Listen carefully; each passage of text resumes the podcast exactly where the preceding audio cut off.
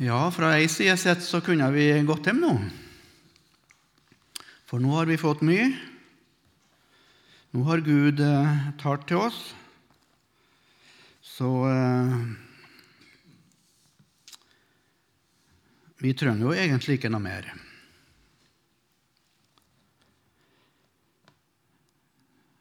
Men eh, jeg skal lese det jeg har, på lappen min likevel. Så skal vi prøve å be om å ikke miste det vi har hørt, men eh, legge det andre varsomt eh, inn også. Ja, kjære Jesus, takk for dine vitner. Takk for eh, det vi har fått hørt, og det vi har fått sunget sammen. Takk for huset her og flokken her. Takk for ditt rike, og takk for din menighet. Takk for ditt folk.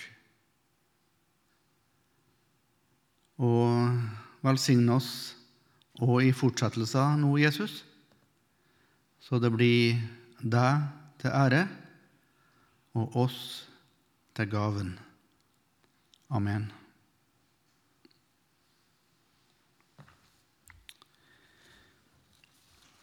Vi er samla under overskrifta 'I Jesu fotspor'. Det er ordet i 1. Peter 2,21 som vi leste i går, som er på en måte ordet for disse møtene. I Jesu fotspor. På onsdagen så prøvde vi å følge Jesu fotspor opp til Jerusalem og Golgata.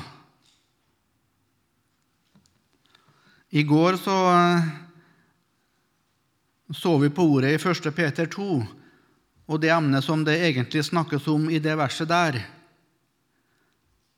Det var ikke Jesu lidelse, men den lidelse som den måtte regne med å få og møte, som ville gå i hans fotspor.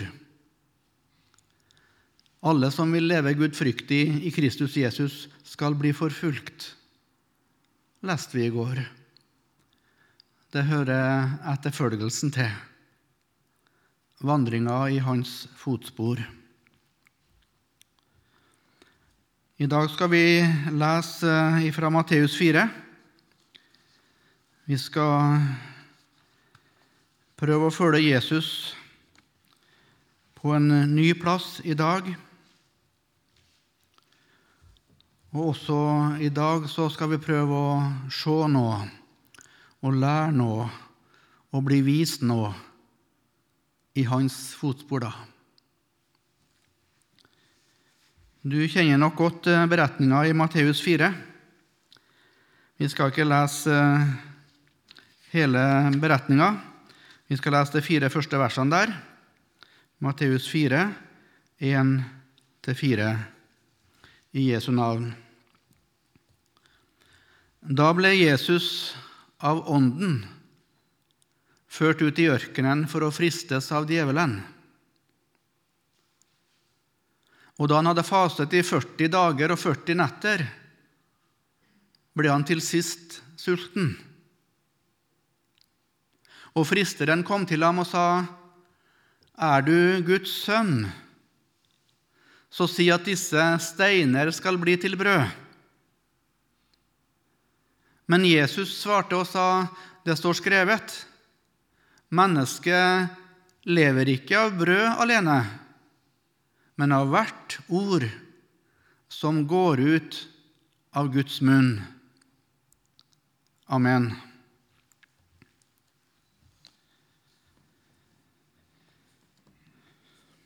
Som jeg sa, det her er kjente vers. Alle her har hørt dem mange ganger.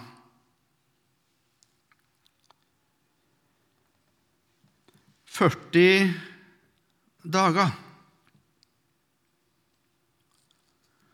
i ørkenen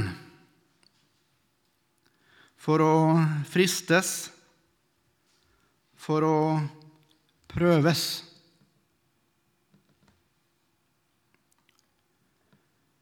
Får du noen assosiasjoner? Aner du en parallell til andre ting i Skriften som eh, kan linkes opp mot dette her? 40. Ørkenen. Fristes og prøves. Jeg tror det er noen små nikk nedover i forsamlinga. Kanskje du tenkte på israelsfolket.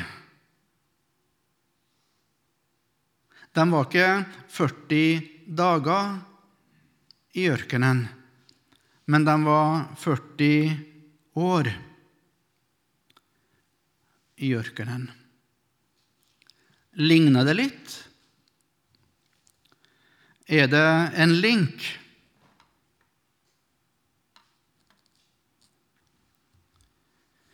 Jeg vet ikke hvordan ordet 'friste' hvordan det klinger i ditt øre og i din erkjennelse, i din tankeverden. Men både på gresk og hebraisk, de to språkene i Skriften, så er det ordet der som er oversatt med 'friste', det kan også oversettes med ordet å prøve. Det er samme ordet. Tygg litt på de to ordene, og hør om du i ditt hode og din tanke om det er forskjell på dem. Å friste noen og å prøve noen er det helt sammenfallende betydning i hodet ditt?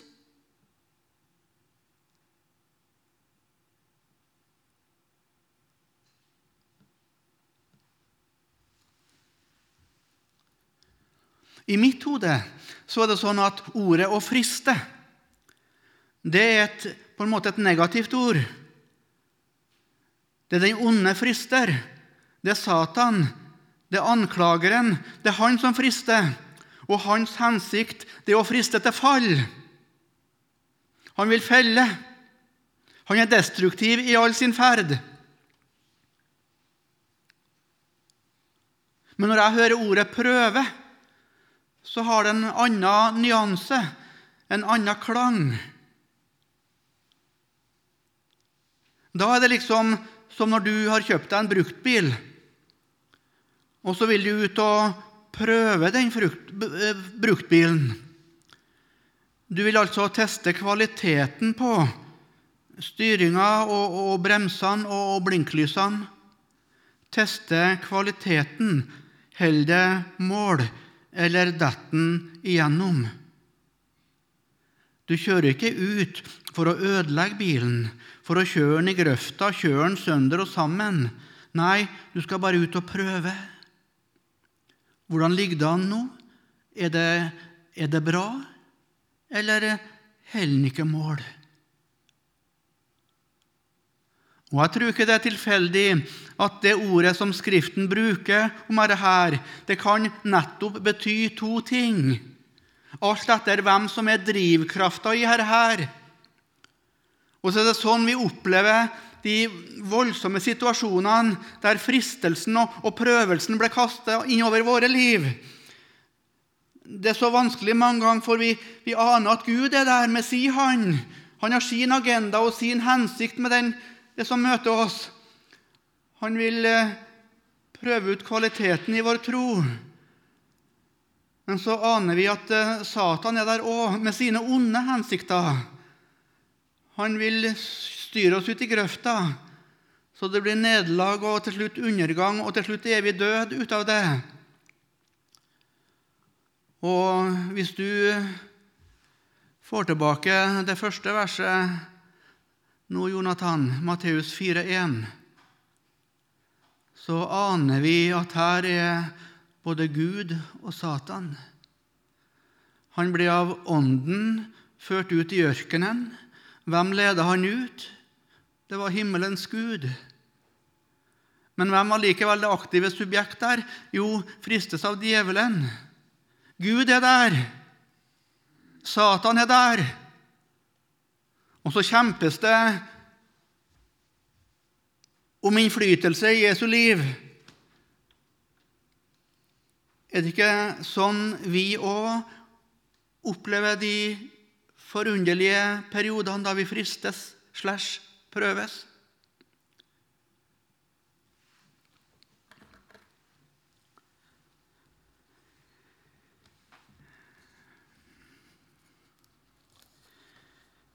Vi nevnte linken til israelsfolket. Og Vi skal slå opp i 5. Mosebok, kapittel 8, og vers 2. I 5. Mosebok 8 så skjer det egentlig ingenting av ytre begivenheter. Det er først mot slutten, der i de to siste kapitlene, der skjer det noen sånne ytre ting. Hele 5. Mosebok, egentlig. Det er taler fra himmelen til folket via Moses, der Skriften, loven, blir lagt ut, og israelsfolket forberedt på det som nå ligger foran inngangen i løfteslandet. De har 40 år i ørkenen bak seg. Nå ligger de bare ved grensa og venter på klarsignal fra himmelens Gud. Og så sier Gud til folket du skal komme i hu hele den vei Herren din Gud har ført deg i disse 40 år i ørkenen, for å ydmyke deg og prøve deg. Der har du ordet igjen. Her er Gud subjektet. Han frister ikke for å felle, men han prøver. Han tester deg ut i 40 år, Israel for å prøve deg og for å kjenne, for å finne ut altså hva som var i ditt hjerte. Om du ville holde hans bud eller ikke. Hvordan er kvaliteten? Er det hold i mitt folk? Vil de ha meg, eller vil de bare ha mine gaver og min velsignelse? For å ydmyke deg og for å prøve deg og for å kjenne deg hva som var i ditt hjerte, om du vil holde Hans bud eller ikke. Du som eh, så det før jeg sa det, at det var en link der mellom Jesu 40 dager og israelsfolkets 40 år. Eh, hvordan kom du på det? Jo, du har lest i bibelhistorie. Og nå spør jeg deg Tror du Jesus kunne si bibelhistorie? Tror du Jesus så linken? Skal vi lese neste verset, 5. Mosebok 8,3? Han ydmyket deg og lot deg hungre. Han ga deg manna å ete, en mat som verken du eller dine fedre kjente, fordi han ville la deg vite at mennesket ikke lever av brød alene, men at mennesket lever av hvert ord som går ut av Herrens munn. Oi, det var jo det verset Jesus siterte i Matteus 4. Det står skrevet, sa han. Sto Jesus med bokrullen og last, tror du? Det står ikke spesifikt, men jeg tror ikke det. Jeg tror Jesus hadde gjemt ordet i hjertet sitt. Og så vella det fram, og det vella opp i han når han trengte det. Og det aner oss at Jesus var veldig, veldig klar over at det som israelsfolket opplevde etter de 40 år, med en test og en prøvelse Noe av det samme opplevde Jesu nå etter 40 dager.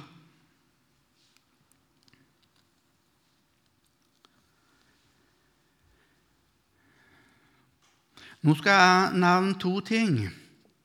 Og jeg tror kanskje du tenker ja, men kjære meg, hva har dette her med, et emne vårt å gjøre? Og det kan se ut som det ikke har noe sammenheng. Men eh, jeg skal prøve å binde det sammen etterpå,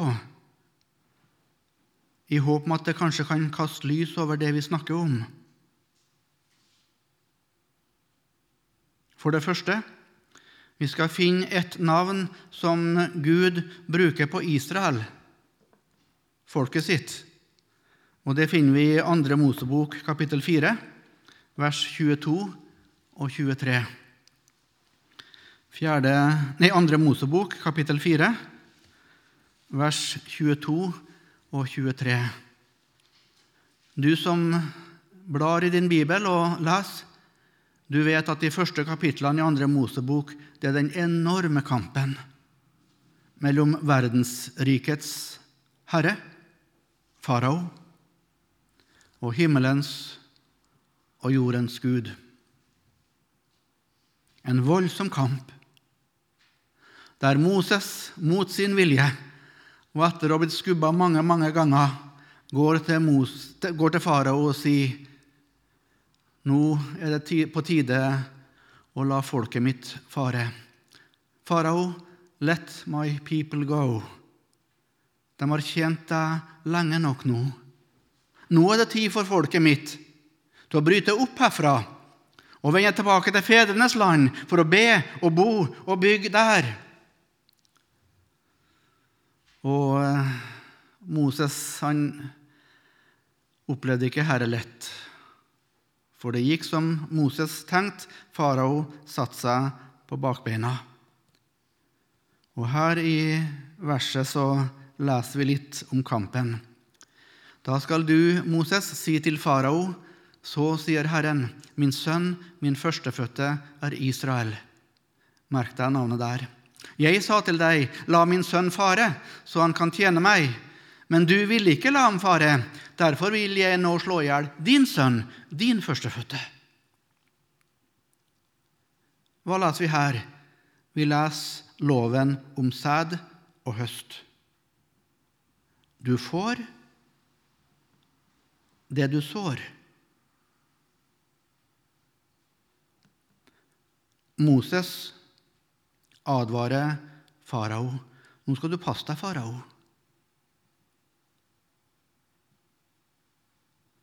Hvis du fortsatt vil klype i min sønn, og hvis du lenger vil herje med min sønn, som er Israel, da kan det hende at du får oppleve at jeg begynner å klype i din sønn.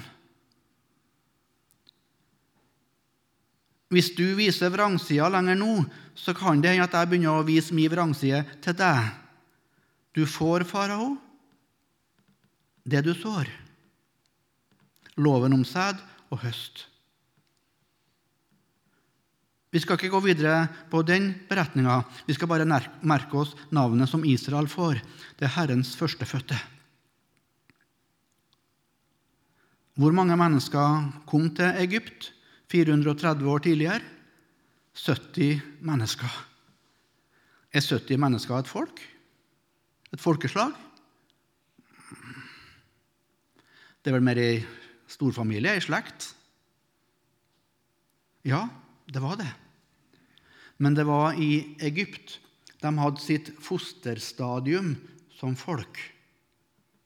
Når de nå går ut etter vel 400 år, så er de kanskje 3 millioner, kanskje 4 millioner mennesker. Det er et folk. Og Gud sier de har vært så avhengig av mitt underhold mitt vern, min velsignelse i hele herre fostertida, og at det egentlig er jeg som har født dem. Det er jeg som står bak. Jeg som har verna dem og velsigna dem, så de i dag står som et folk, Herrens førstefødte. Ikke himmelens enbårne, men Herrens førstefødte. Er det mange i salen her som er førstefødt sønn i sin barndomshjem? Opp med handa. Tre, i hvert fall. Fire. Mm -hmm. Hvor mange av dere fire er enebarn? Opp med handa. Én. Da er det tre av dere som eh, var enebarn ei stund. Og så ble det ikke enebarn til slutt. Det kom en eh, arving eller en sønn eller en datter nummer to. Og når Israel er Herrens førstefødte, da aner det oss at det ordet får sin fortsettelse. I ordet i Efeserne 3,6, der Paulus sier at hedningene de er medarvinger. Vi skal ikke gå inn på det heller, men vi skal merke oss uttrykket 'Herrens førstefødte'. Det andre vi skal nevne, som du kanskje tenker ja, men her har jo ingenting med saken å gjøre, det er det i Skriften som har med kapittelinndeling å gjøre. Jeg tror veldig enkelt at dette er Guds ord. Ikke at det inneholder Guds ord, men at det er Guds ord. Men vi menneskene vi har satt noen avtrykk her, vi òg, da, som ikke hører med til Guds ord. Det med verseinndeling det er ikke med i de opprinnelige grunnskriftene. Og utenom Salmenes bok så heller ikke kapittelinndeling en del av Gudsordet. Det er det mennesker som har satt inn og, og nummerert og alt sånn. 100% Og det kan være nyttig med kapittelinndeling og versinndeling. Du finner fram fortere. Vi finner samme stedet fortere når vi har de hjelpemidlene. Men det er også ulemper med det. Én ulempe er det at vi umiddelbart tror at det begynner noe nytt når det er et nytt kapittel. Og så mister vi kanskje en link til verset foran. Det var en sammenheng der, men vi så den ikke fordi mennesket har sagt at nå begynner vi på et nytt kapittel. Og Greier vi å gå tilbake til kapittel fire nå, og få opp Det har ikke jeg sagt til deg, Jonathan, men få fram siste verset i kapittel 3. Eller vi kan egentlig begynne i Matteus 3, og så vers nummer eh, Skal vi se nummer 16. Matteus 3, 16, og se på 17, siste verset i kapittel 3, og så få med første i kapittel 4. Siste versene i Matteus 3 det er om Jesu dåp. Og I Matteus 3, 17 så står det sånn Nei, 3, 16. Da Jesus var blitt døpt, steg han straks opp av vannet. Og se, himmelen åpnet seg for ham, og han så Guds ånd stige ned som en due og komme over ham. Og vers 17 og se, det lød en røst fra himmelen. Dette er min sønn, den elskede, i ham har jeg velbehag. Da, da Neste vers. Ble Jesus av Ånden ført ut i ørkenen for å fristes av djevelen. Da, akkurat da eh, Når da? Jo, umiddelbart etter at røsten hadde lydd fra himmelen. I parallellberetninga i Lukasevangeliet så står det 'straks'. Med en gang røsten hadde blitt hørt, altså. Mens ekkoene liksom ikke hadde gitt seg. Men lyden ble kasta frem og tilbake mellom klippene der i Jordandalen. 'Dette er min sønn, den elskede. I ham har jeg funnet velbehag.' Da, akkurat da, Akkurat da, umiddelbart, straks, så ble Jesus av Ånden ført ut i ørkenen for å fristes av djevelen. Det var det siste han hørte. Det var det siste inntrykket han tok med seg før han ble ført inn i ørkens stillhet.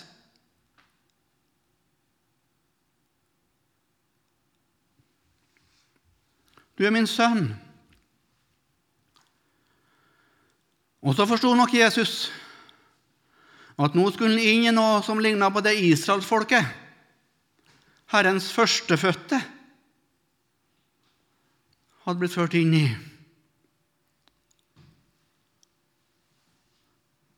Og Jesus visste nok veldig, veldig godt at uh, Herrens førstefødte hver eneste morgen hadde våkna til det at ørkenen var dekka av mat, dekka av manna. Sånn tok himmelens Gud, sånn tok min far vare på Israel, sin førstefødte. Og så våkna Jesus etter den første natta i ørkenen. Og så står han opp, og så gnir han søvnen ut av sine øyne. Og så ser han ut over ørkenlandskapet. Og der er det ikke noe manna. Det er bare stein og grus og sand.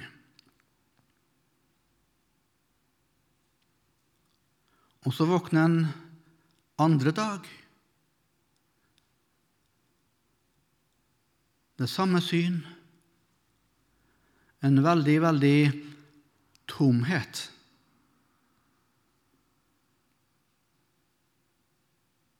Et veldig, veldig ugjestfritt landskap. Ikke noe å sette tennene i. Den førstefødte fikk mat. Her er den enbårne. Han eh, får ikke mat. Og så står det at han til sist ble sulten.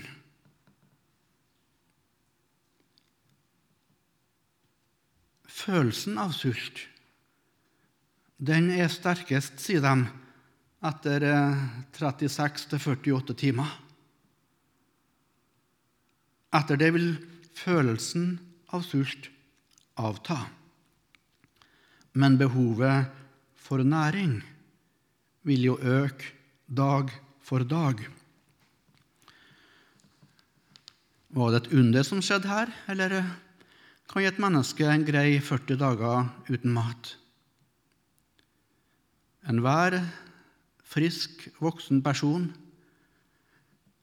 kan egentlig greie 40 dager uten mat, bare han får nok væske og drikke. Så det var ikke slik sett et under, det som skjer her. Men det er klart, til slutt så var Jesus i et desperat behov for næring. Og så kommer fristeren. Etter 40 eh, brødløse morgener. Det siste Jesus hørte, dette er min sønn. Og Jesus har i tankene sine vært i femte Mosebok. Israelsfolket, Herrens førstefødte, er holdt i live gjennom 40 år. Den andre gangen Jesus blir frista, så henter han også ordet sitt fra 5. Mosebok.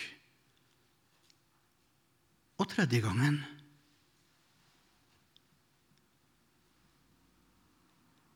Og så sier fristeren de sleipe, sleipe ordene Er du Guds sønn?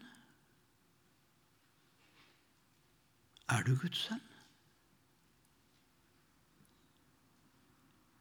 Det som han sier, 'Jeg vet hva du har tenkt på nå, Jesus.' Du har tenkt på den førstefødte som fikk brød. Du har ikke fått brød. Har du, Har det sneket seg inn en liten tvil, kanskje? Hørte du rett? Er du sikker på det du har, mener du har hørt fra himmelen? Er du sikker på det? Eller gnager tvilen litt i hjertet ditt nå? Ok, la oss få avgjort dette nå, da. Si til steinene her at de skal bli til brød. Vis makta di, Jesus. Ta saken i egne hender. La oss få avgjort Herre, en gang for alle. Vis din makt, og jeg skal tro på deg. Å, så gjennomsleip. Hva er det Jesus måtte gjøre her? Jo, nå må du høre, for det herre jeg må lære, og det herre du må lære. Vi må gå i Jesu fotspor når vi fristes, når vi prøves. Hva var det Jesus gjorde? Jo, han lot ordet fra himmelen ha mer vekt og ha større betydning i sitt liv, i sin erkjennelse, i sitt hjerte, i sin, sin samvittighet. Ordet fra himmelen har større vekt enn alt det han så omkring seg i levd liv. Det var ingenting der og da som tyda på at denne utmagra, utmatta mannen var Guds sønn. Han fikk ikke støtte i omgivelsene. Han måtte ene og alene klynge seg til det han hadde hørt ifra himmelen. Dette er min sønn, den elskede. I ham har jeg funnet velbehag.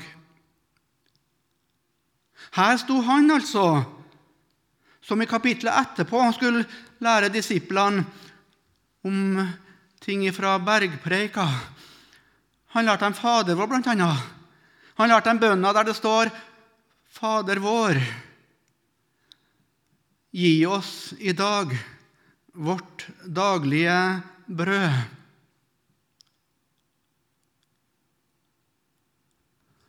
Her sto han altså, som eh, skulle si til sine disipler Hvem av dere som er far, vil gi sønnen sin en stein når han ber om et brød?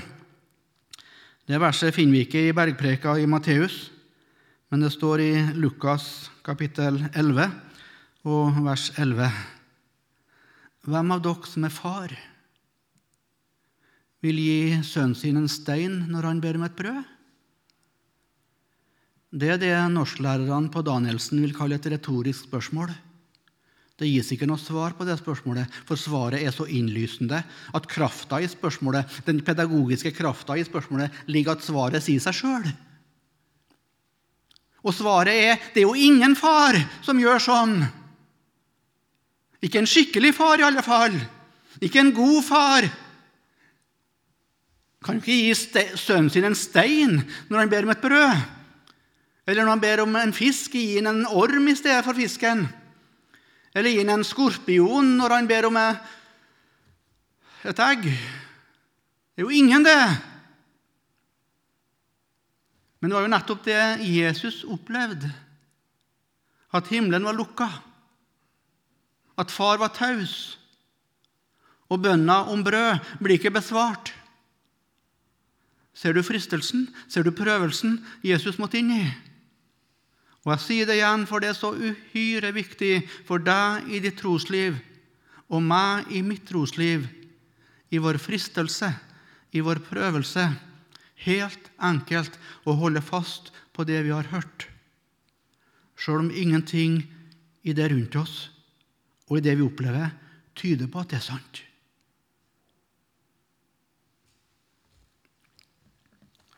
Det var akkurat det Abraham måtte lære. Du skal få en sønn, Abraham. Du skal få en sønn. Hvor fint. Jeg er 75 år gammel. Jeg har jo ikke noen sønn, men jeg tror på deg når du sier det. Det går ett år, det går to år, det går ti år. Og så kommer Gud igjen. Nå er Abraham 85. Sara ti år yngre. Har aldri fått barn. Du skal få en sønn, Abraham. Ja, veldig fint. Så går det 14 år. Nå er Abraham 99 år. Du skal få en sønn. Og Så skal vi slå opp i Romerne 4, og så skal vi følge Paulus når han skildrer hvordan Abraham hadde, hvordan han tenkte. Mot håp. Trodde han med håp. Mot håp. Det var håpløst, altså. Menneskelig talt var det håpløst. Men han trodde med håp for at han skulle bli mange folks far etter det som var sagt. Etter det som var sagt, slik skal din ett bli. Og neste vers. Uten å bli svak i troen tenkte han på sitt eget legeme, som alt var utlevd. Han var jo snart 100 år, og på at Saras morsliv var utdødd. Gå tilbake til vers 19, Jonathan. Abraham var jo ikke dum. Han så jo. Han hadde jo tankekraft. Han hadde jo evnen til å vurdere. Han så jo, det var jo helt åpenbart. Hans eget legeme det var allerede utlevd. Og Saras morsliv det hadde jo vært lukka hele livet. Nå var det i alle fall tørka inn. Hun nærma seg 90 og vers 20. Men på Guds løfte Ser du? Her er ordet fra himmelen. Han hadde hørt noe. Men på Guds løfte tvilte han ikke i vantro, men han ble sterk i sin tro i det han ga Gud ære. Han var fullt viss på at det Gud hadde lovt, det var han òg mektig til å gjøre. Det er troens far. Derfor ble det også regnet ham til rettferdighet troens far, 15, 16, 17, 100 år før Kristus, så går han troens vei og lar det han hadde hørt, bety mer og ha større vekt enn alt han så i sitt liv.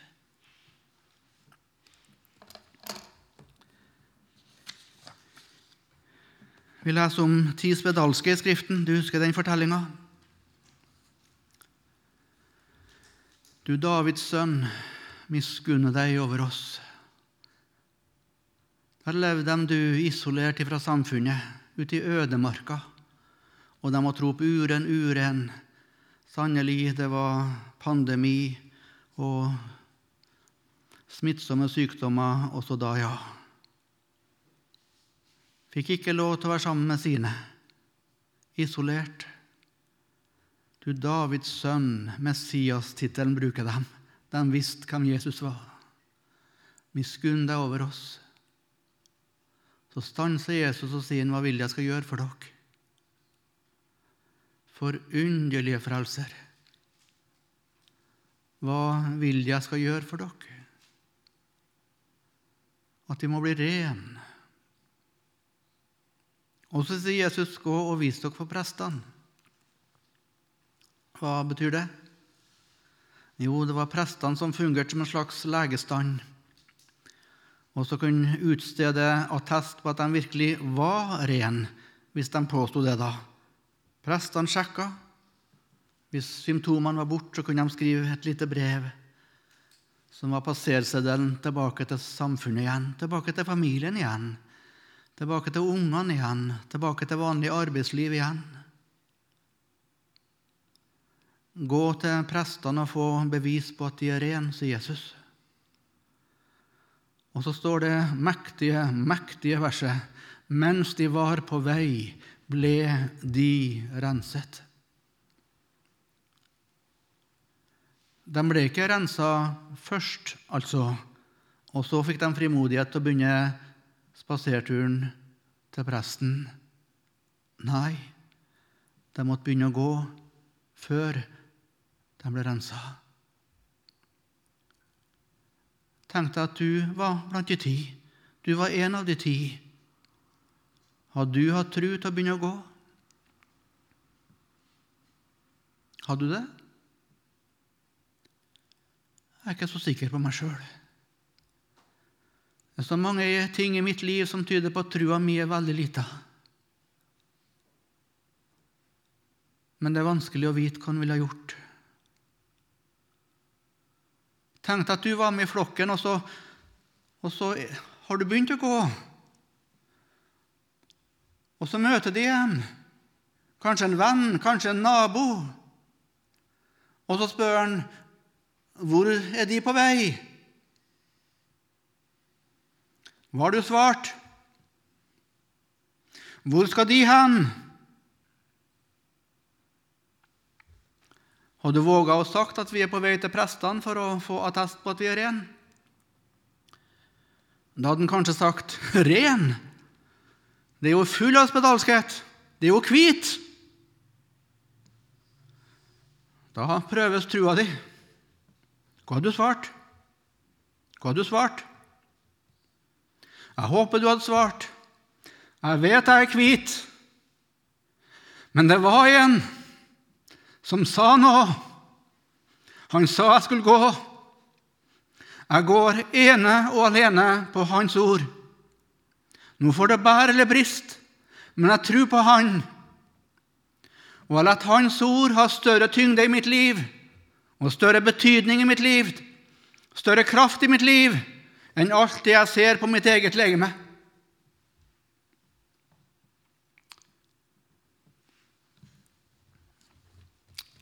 Og så var det Peter, da.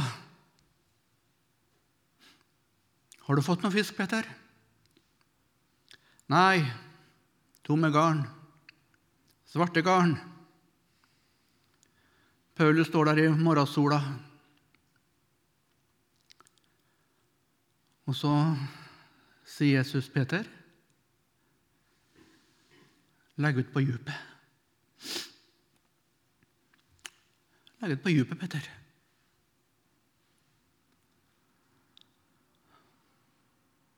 Tenk deg at du er Peter, da. Hva har du sagt? Jeg vet ikke om det i himmelen blir interessant å snakke om det som vi opplevde her på jord. Jeg vet ikke. Kanskje blir det ikke det.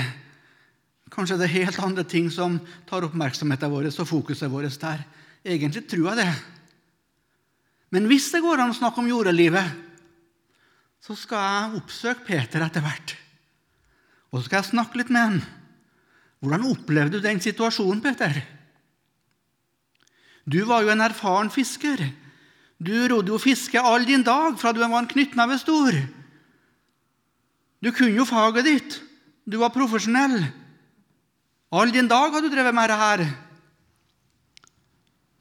Og så kommer det altså en snekker fra en innlandsby oppe i fjellene der. Og så sier han at du skal legge ut på djupet. Det var ikke på djupet de fiska. Det var når fisken kom inn og beita inn på grunnene på nattestid. Det var da det var sjanse for å ta han. Men å legge ut på djupet når morgensola skein klart og blankt, det hadde jo ingen gjort før. Tenkte Peter sånne tanker? Tenkte Peter sånn Ja, Jesus, nå skal jeg gjøre noe som jeg egentlig aldri har gjort før. Jeg skal gjøre noe som er mot all sunn fornuft og mot alle odds. Og mot all oppsamla yrkeserfaring her på strendene i Kapernaum. Jeg skal gjøre det jeg gjør, Jesus, rett for øynene på storøyde naboer og forundra fiskerkollegaer.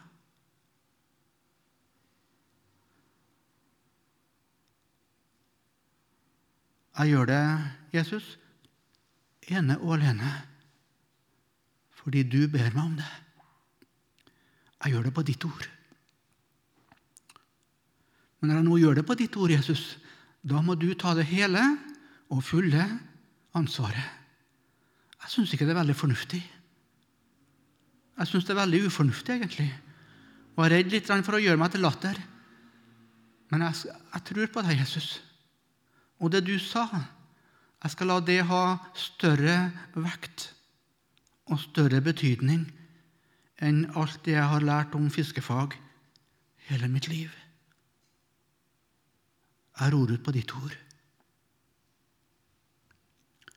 Det var en veldig prøve Peter ble satt på der. Men han gikk i Jesu fotspor. Jesus tenkte akkurat det samme når han ble prøvd og frista. Så er Abraham borte for lenge sida. De ti spedalske lever ikke mer. Peter er ikke på jorda, han heller. I dag er det du, og i dag er det meg. I dag er det vår tur å gå i Jesu fotspor.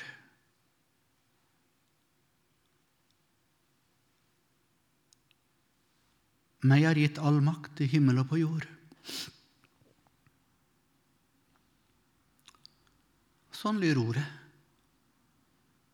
Så sitter du der, og så står jeg her, og så opplever vi kanskje Ja, det er ikke, det er ikke min erfaring. Min erfaring er at Jesus får mindre og mindre makt. I Melhus, på Vea, i lovverket, i skolene, i barnehagene, på Stortinget. Jeg syns det er helt åpenbart. Det er min erfaring. Da prøves trua di.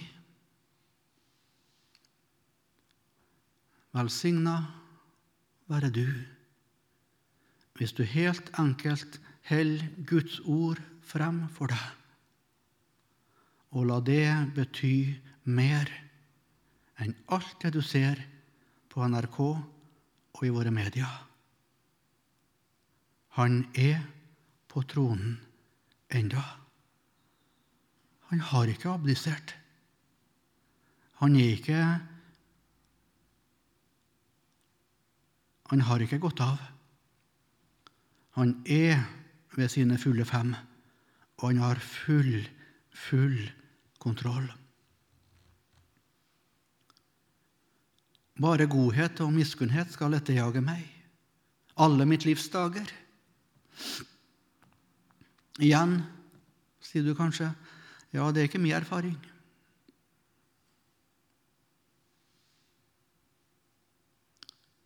Du har så mange ting du sliter med, du, som absolutt ikke kommer inn under godhet og miskunnhet, syns du.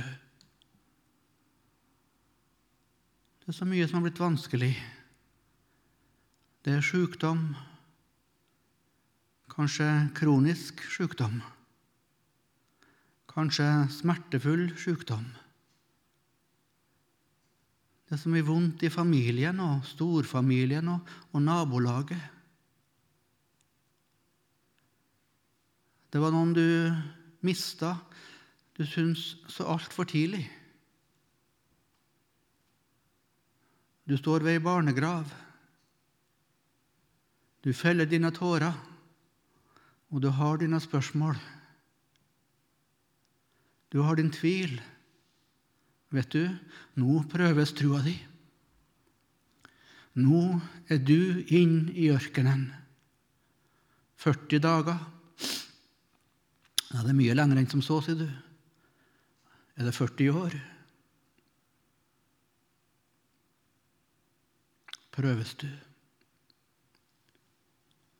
for å ydmyke deg og for å kjenne hva som bor i ditt hjerte? Om du ville holde fast eller ikke.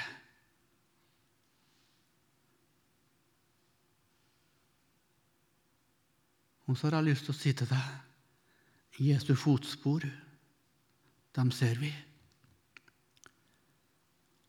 Han holdt fast på ordet. Så sitter du her, kanskje som ikke anfektes først og fremst av de ytre tingene. Det kan du gjøre òg.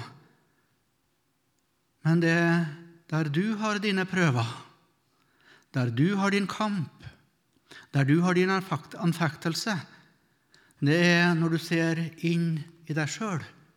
Ikke ut på den store verden, først og fremst, men inn i deg sjøl. Du har levd med din Gud i 10 år, 20 år, 40 år. Og du er så overbevist om det at du skulle ha egentlig vært kommet så mye lenger på helliggjørelsens vei og etterfølgelsens vei enn det du har gjort.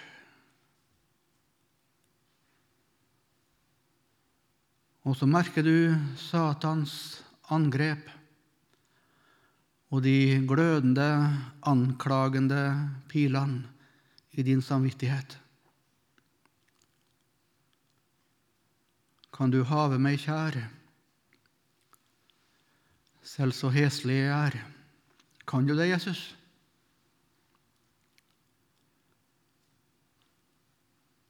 Da har jeg helt enkelt lyst til å si til deg du skal få holde fast på løftet i kveld. Løftet fra Han. Per Nordsletten streva mye med sin gamle natur. Han skildrer den med et frodig språk i sine sanger. Men i fjerde verset på 461 så kommer den der forløsende Ja, ditt ord sier så, at jeg nåde skal få, at min synd ihukommer seg mer. Ditt ord sier så. Ser du det? Det er den gamle oppskrifta. Det er ikke noe i meg som tyder på det. Jeg er så langt borte. Synda herjer i mitt liv. Kjødet har makt. Men ditt ord sier så at jeg nåde skal få, at min synd ihukommer seg mer. Ren og rettferdig, himmelen verdig, er jeg i verdens frelser alt nu. Og så kommer det ordet. Ordet forkynner at mine synder kommer han aldri mere i hu. Det er veien også i dag. Og for hver og en som i sin sjeleangst og sin sjelenød ikke vet seg noe annet enn å knele ned ved Jesu kors og be om ny nåde og ny tilgivelse utover den mann Utover den kvinne så ropes det også i dag dette er min sønn, dette er min datter, den elskede, som jeg har funnet behag i. Sånn er det å være i Kristus Jesus. Da har du hans drakt og blir behandla som hans bror og medarving. Lova være hans navn. Amen.